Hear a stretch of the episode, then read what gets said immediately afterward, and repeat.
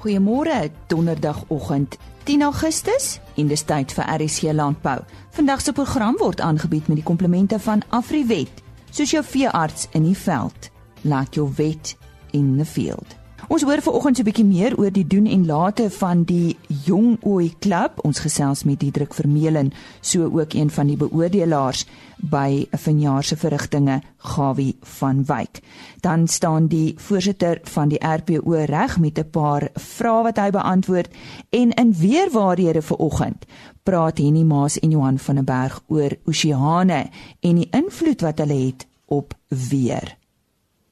Op Vrydag 21 Julie in die distrik van Philipstown het 'n interskou tussen jong ooi klubs plaasgevind.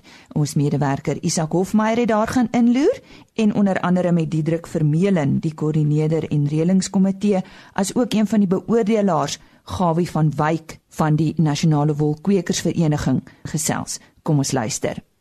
Diederik Vermeulen is die man met wie ek nou praat. Hy boer op die plaas Vrede in die Philipston omgewing. Maar uh vandag is ons hier by 'n groot gebeurtenis wat die tweede keer plaasvind. Laas jaar was die eerste keer. Diederik, vertel net in in die eerste plek wat is dit? Wat, wat gaan hier aan? Weet jy man, uh, môre. Ons het 'n um, besluit om laas jaar so interskou tussen jongoui klubs um, bymekaar te kry. En ons het gebel het gehoor wat se klubs sal belangstel om hiernatoe te kom. Dat hulle elkeen 5 van hulle beste oetjies bring. Hulle het laas jaar 'n geleentheid gehad om oor die oetjies te praat, oor hulle klaps te praat, waaroor hulle klaps gaan. Wat is hulle miskien 'n bietjie anders en 'n bietjie kennis uit te deel. En ja, dit is gedink om hierdie jaar weer dieselfde te doen, om weer die tipe skou aan te bied wat hulle basies op 'n puntestelsel, so die verskillende klaps so oeye kom, dit word gekyk na jou bouvorm, bol, ehm um, kop, hakke en daarvolgens word 'n punt toegeken, die punte word bymekaar getel en uh op die einde van die dag gaan ons sien wat se ooi wen. En ja, dis 'n lekker ding om die klomp ouens bymekaar te kry bietjie, want ek dink nie net dit gaan oor die skou nie, dit gaan oor inligting wat hier tussen mekaar ook gedeel word. Almal wat hier so is, het dieselfde belang. En ons het ook gekry om goeie sprekers te kry want ons ek bedoel in ons land is ons baie onseker oor grondhervorming en daai tipe goeters. So ons het iemand gekry wat op daai vlak vir ons bietjie meer inligting kan gee. Ons het nou ons wolword deesdae nou op die aandelebeurs gesit. So ons het nou iemand gekry wat vir ons um, meer inligting vandag kan saamstel oor wat gaan wat waaroor dit gaan en wat is die tendens nou in ons land met ons wol en met, met so so sterk eintlik 'n breë spektrum.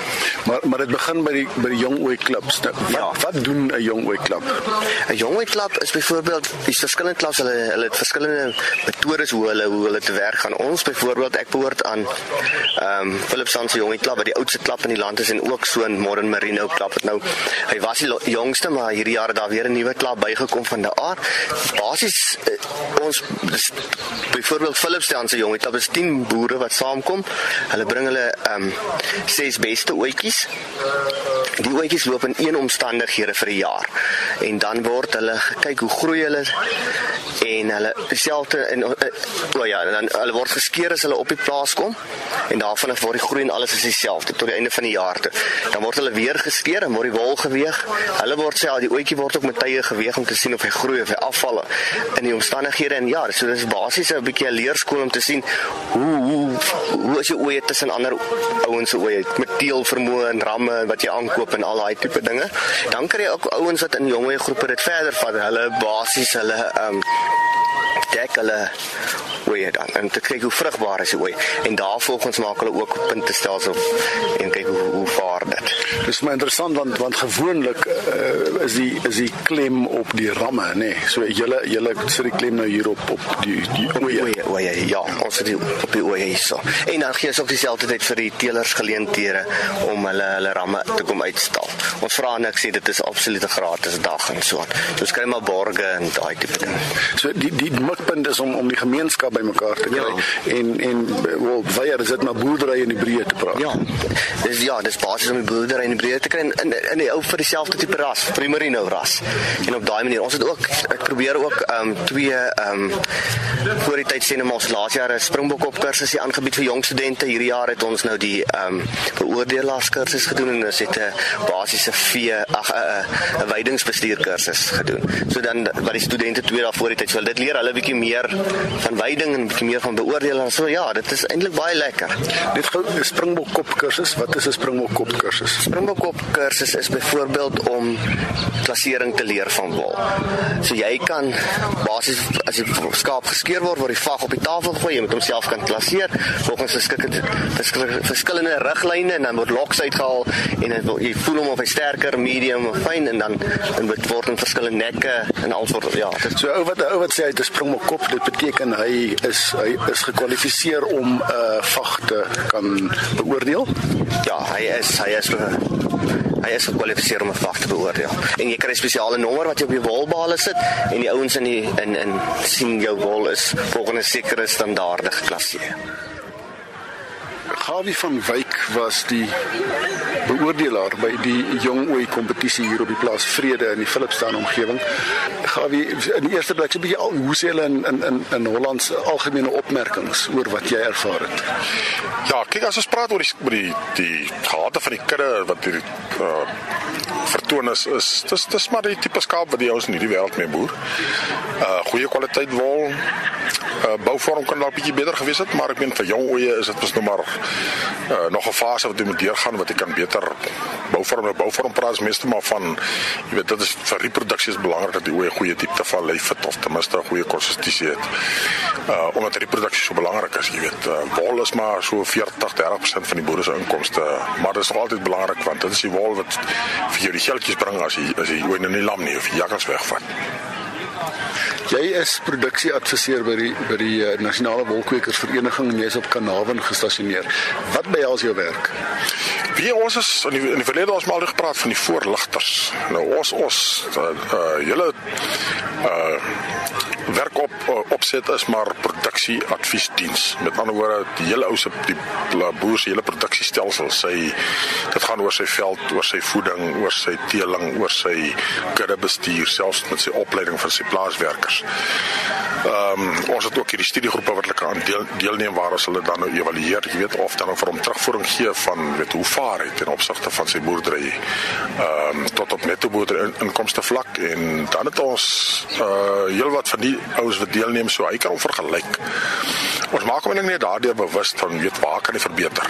Is dit 'n bestuursfout of is dit 'n uh, uh, spandeer te veel op voer of het jy probleem met uh, reproduksie ten opsigte van oeye wat nie beset raak nie. So dit gaan maar baie oor die bestuur en, en dan ook sy bestuur van sy sy kostes ten opsigte van sy bedryf. So dit is maar wat ons basies doen. Ehm um, ek doen die hele Noord-Kaap en 'n gedeelte van Wes-Kaap. So ons fokus sterk op eintlik op die ekonomie en dan opleiding wat belangrik is vir al ons plaaswerkers. Dis maar die ouens wat in die veld kom, jy weet. En dan ag, dan help ons maar met met boere daar ook, weet, gee ons maar lig inligting oor, skryf maar artikels oor wat ons dink relevant is dat die boere moet weet ten opsigte van al hierdie vertakkings binne in boerdery. Jy het dan nou gepraat uh, oor die oor die tipe skaap wat die ouens maar meer boer in hierdie wêreld. Nou in hierdie wêreld verskil dit redelik baie in jou area. Is daar verskillende tipes wêreld wat dus 'n verskillende tipe van skaap vereis?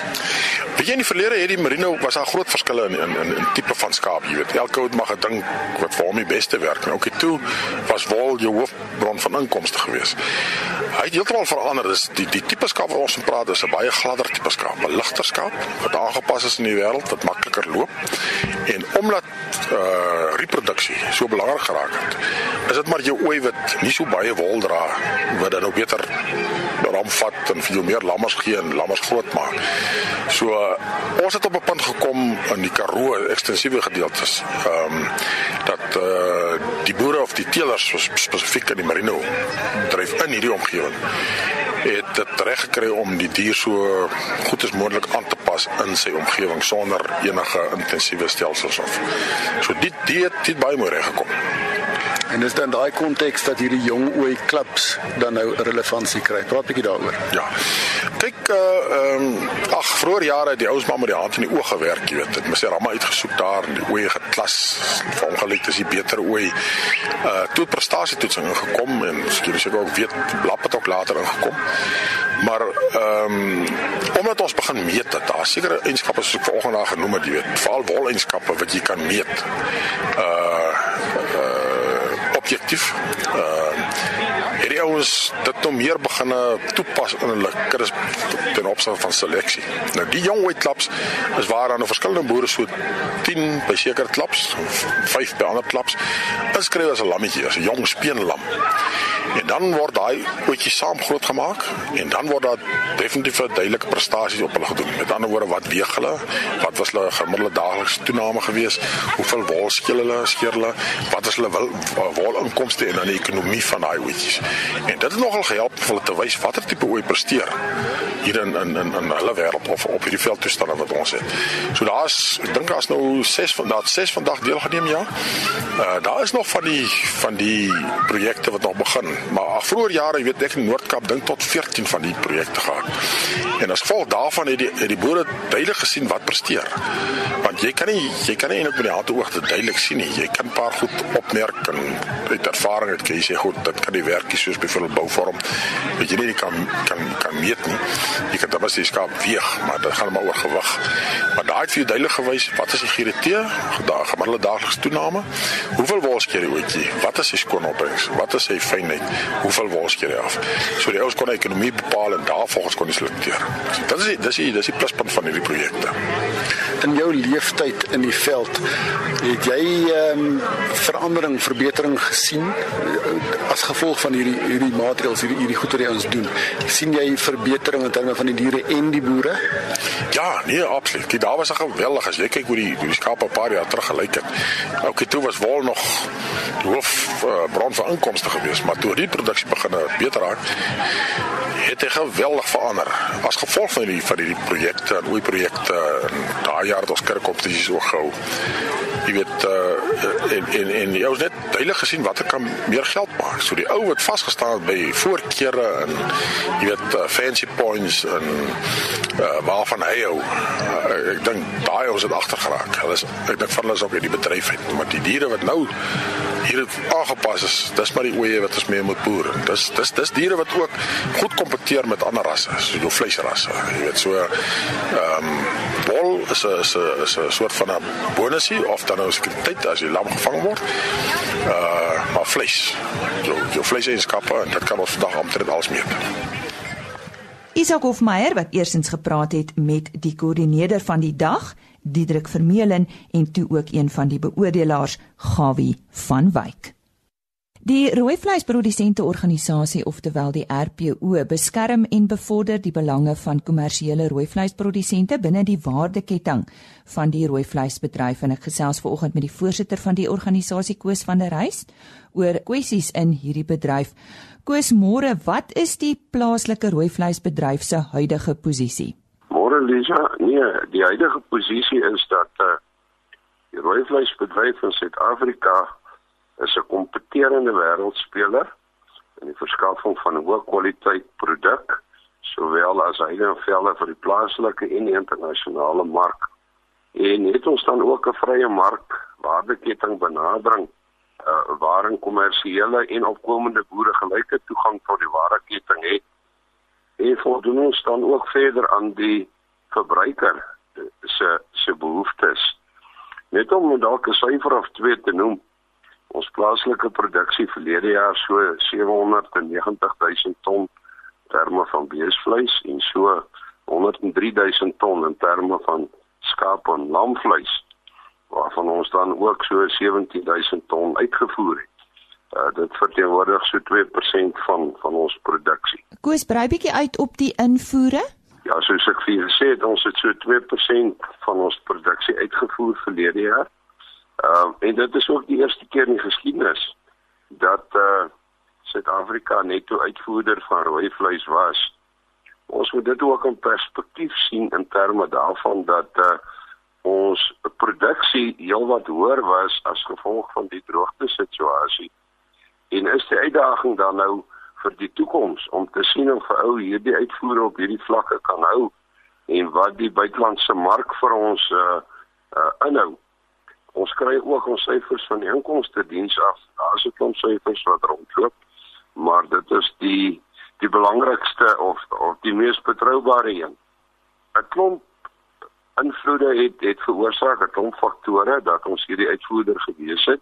Tegnologie, groter identifisering van die van die bedryf en uh het ons dan ook 'n baie goed ontwikkelde voergraalbedryf wat dan ook bygedra het tot tot hierdie uitvoermoontlikheid.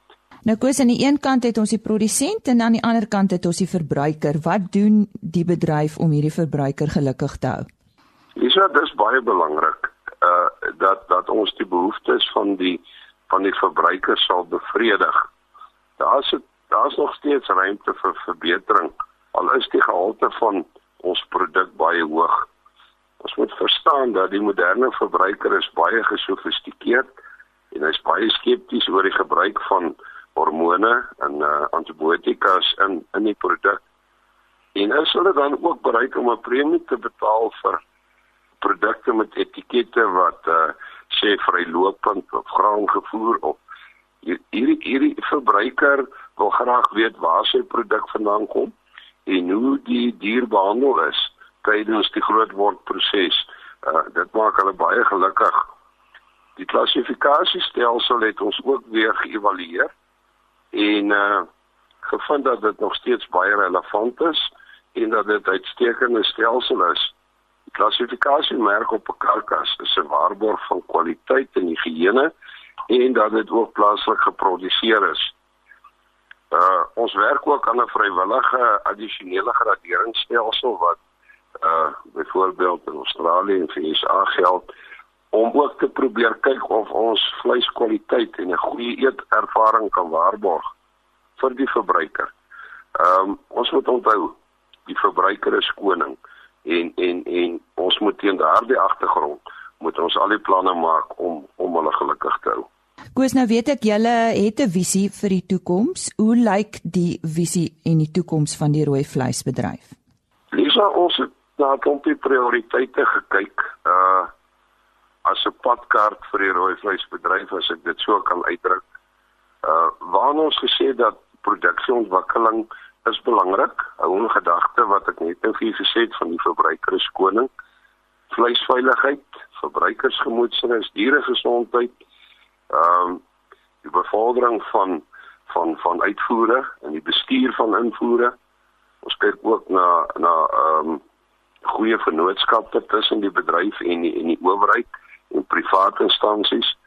Dan is dit ook vir ons uit 'n uit 'n produsente hoek uit belangrik om om na verbruikersopvoeding te kyk. Maar hierdie goed kan nie suksesvol wees as ons uh fondse kan genereer in terme van 'n van 'n statutêre heffing uh sodat ons hierdie aksies doeltreffend kan befonds. Wat uh, sal die rol van die RPO wees om dan hierdie planne te verwesenlik? Ja, ons het by ons kongres verlede jaar die besluit geneem dat daar 'n klompie funksies is wat ons dan behoort te verrig in terme van 'n van 'n statutêre heffing. Ehm um, en het ons dan ook gesê dat uh die vorming van uitstekende verhoudings is vir ons belangrik en dat ons ook uh, die die nasionale strukture soos die landbouaksieplan en die nasionale ontwikkelingsplan uh, ten volle ondersteun en uh, dat ons dit op op 'n klomp nasionale forums soos byvoorbeeld die dieregesondheidsforum, die veediefstalforum, die landbouhandelsforum en die predasieforum waar waar ons hierdie verhoudings wil laat werk uh vir vir produksie ehm um, toegewyde en volhoubare pogings vir optimale winsgewendheid op vrye markbeginsels dis die tipe dinge waarna ons kyk en en wat ook vir ons belangrik is is die versameling en die verspreiding van van bedryfsinligting Die uh heffings waarvan jy gepraat het, wanneer uh tree die nuwe heffingsperiode in werking? Ja, ons is nou in die proses hierso om te kyk Ja, kom ek begin so deur te sê dat die huidige heffingsperiode loop uit November 2018. En is ons dan ook besig om te kyk by die rooivleisbedryf forum na hoe moet 'n nuwe heffing lyk? Wat die kwantum daarvan moet wees, wat die funksies moet wees wat ons daarmee wil befonds. Maar het ons dan ook heidaglik gevra dat die huidige heffing wat 2018 uitloop verleng sal word vir 2 jaar sodat dit vir ons die geleentheid gee om al hierdie ander aksies waarmee ons besig is ordentlik te definieer sodat hy dan werklik 'n verskil kan maak in terme van die uh rooi vleisindustrie. Nou weet ek enige bedryf het ook maar sy onmiddellike uitdagings. Wat moet julle nou so gou as moontlik probeer hanteer, Koos, om jy af te sluit? Dis nou daar's 'n klomp uitdagings uh in die in die bedryf. Die groot die grootste uitdaging op die oomblik is om rooi vleisprodusente in 'n posisie te stel om finansiëel vooruit te boer. Uh die ekonomie van skaal is nie heeltemal in ons guns nie. Ons sit met kudde heropboufase na na knellende droogte. Dit is een van ons grootste uitdagings. Die bekamping van diere siektes bly 'n groot uitdaging en daarom is dit belangrik dat dat ons ook hierdie verhoudinge met die owerheid sal uh uitbou en versterk sodat ons kan uh die diere siekte probleem kan hoekslaan. Die impak van mynbou, uh die kwaliteit van water bly bly 'n bly 'n uitdaging. En dan ons ooreenkomste bly ook 'n kritiese uitdaging en ons sal die kapasiteit moet benut wat daar bestaan om ons in 'n goeie posisie te plaas wat dit betref.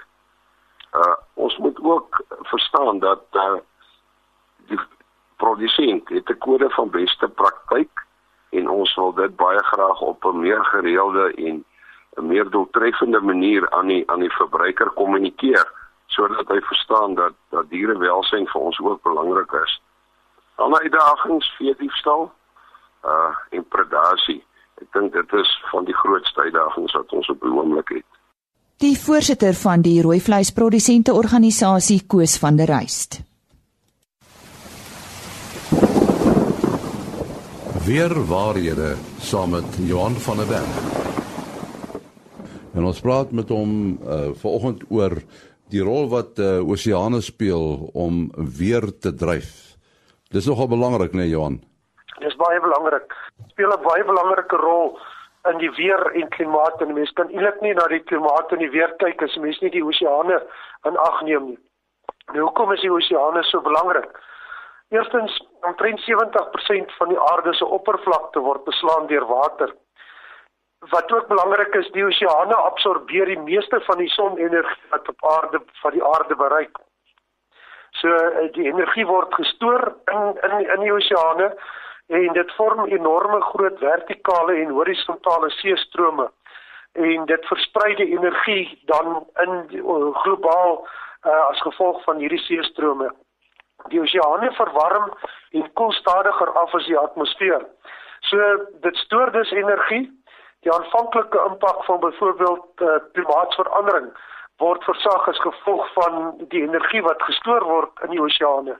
Maar hierdie opgegaarde energie moet erns in die toekoms of in die volgende tyd uh, maande, jare, dekades gaan dit weer in die atmosfeer vrygestel word. So alhoewel dit 'n uh, bron van energie is uh, wat miskien nie onmiddellik reageer nie, uh, is dit 'n baie groot bron wat oor 'n langer tyd vir ons 'n probleem kan gee in terme van klimaatsverandering as gevolg van hierdie verhoogde uh, opname van energie. Oseane in die atmosfeer is gekoppel Die hitte van die oseaan laat lug styg en beweging van die aarde om sy eie as laat die energie dan versprei. In hierdie proses vorm daar sogenaamde telekoneksies. So byvoorbeeld die gebied waar die El Niño aktief is, see temperature word warm of warmer as normaal in daardie gebiede en dit verander die bolig of die klimaat bokant hierdie water en soos wat dit beweeg vind daar ver van hierdie op aanvanklike ontwikkeling van ons klimaatstelsels vind daar veranderings plaas. Ons is seker 10, 12, 15000 km wat Suid-Afrika verwyder is van waar die gebied van El Niño aktief is. Maar ons het 'n telekonneksie wat sê oor tyd beïnvloed dit ons ook as gevolg van die verspreiding van van ons energie dan. Ehm um, as jy mens na Suid-Afrika byvoorbeeld kyk, die twee oseane wat ons uh, omring, die Indiese Oseaan hier in die ooste kant warm en die Atlantiese Oseaan teenoorgestel baie koud of koud aan die weste kant. So dit sou nogal interessant gewees het om te sien wat sou die klimaat van Suid-Afrika gewees het as die Atlantiese Oseaan aan ons weste kant ook warmer gewees het. En dit sou 'n baie groot invloed gehad het om meer reën te kon veroorsaak want uh, as jy mens gaan kyk na die hoeveelheid uh, vog of verdamping vanaf die Indiese Oseaan relatief tot die Atlantiese Oseaan is dit baie meer. So as die Atlantiese Oseaan kon warmer gewees het, sou ons baie energie uh of, of baie meer reën kon kry. Aan die ander kant, as die Indiese Oseaan uh, as daar verder verwarming plaasvind as gevolg van uh, klimaatsverandering, globale verwarming, kan dit nogal 'n redelike groot gevaar inhou vir Suidelike Afrika want ons uh, ervaar elke jaar tropiese siklone ergens in die Indiese Oseaan as gevolg van hierdie warmer water of warm water en as dit nou nog warmer as normaal word dan kan ons 'n verhoogde voorkoms van tropiese siklone ook kry. So die verspreiding van energie op aarde, uh, dis een van die belangrike meganismes is deur die oseane en die oseane beïnvloed dan tot 'n groot mate ook die klimaatsgedeelte of die weerstelsels wat oorliggend oor die oseane is. Ja, dis interessant as jy kyk na die aarde se oppervlak, eh, die die aardbol. Landmassas, dis sit meer in die noordelike halfrond as die suidelike halfrond. Met ander woorde, mense kan sê daar's baie meer water in die suidelike halfrond as die noordelike halfrond, né? Nee? Dis so, so die effek van die oseane kan mense dan ook sê is belangriker in die suidelike halfrond as die noordelike halfrond. Uh en 'n mens moet baie dit is waaroor daar baie metings in die oseane voorkom. Uh wat van skepe en uh, in die afgelope 10, 20 jaar uh word see temperature ook nou of gemeet as met met afstandswaarneming saaklik met infrarooi termometers. Uh maar ook uh, in verskillende dieptes word dit gemeet. En uh dit so byvoorbeeld begin warm poele vorm uh in die tropiese uh, stille oseaan waar die El Niño en die La Niña hier op dieptes van 4 500 meter uh kom as gevolg van die beweging van water uh seestrome wat van ander gebiede af uh, water inbring na daardie gebied toe. Ons sê baie dankie aan Johan van der Berg van Santam Landbou. Het jy geweet daar word jaarliks meer as 3 miljoen ton tee wêreldwyd verbou. Die meeste tee word tussen die steenbok skeerkring en die kreefskeerkring verbou in bergagtige gebiede tussen 3000 en 7000 voet bo seespieël. Bekende teeproduserende lande is Indonesië, Kenia, Malawi, Sri Lanka, Argentinië, China, Indië en Tansanië. Slegs die jong uitloopsels of die boonste 1 tot 2 cm van 'n volwasse teeplant word gepluk. Dit neem sowat 3 jaar voordat die blaartjies van 'n nuwe plant geoes kan word. Teeplante produseer gewoonlik eers na 4 jaar saad en sommige kan so lank as 12 jaar neem om saad te produseer. Dis dan al die landbou nuus van ons kant af vir hierdie week. Môreoggend om kwart voor 5 is dit Chris Viljoen agter die mikrofoon en ook Saterdagoggend om kwart voor 12. Dankie dat u hierdie week saam met ons gekuier het en RSC Landbou is uh, vandag aangebied en ook die res van die week met die komplemente van Afriwet, soos jou veearts in die veld. Like your vet in the field. Mag daar nog baie reën val in die Kaap. Totsiens. RSG Landbou is 'n produksie van Blast Publishing. Produksieregisseur Henny Maas.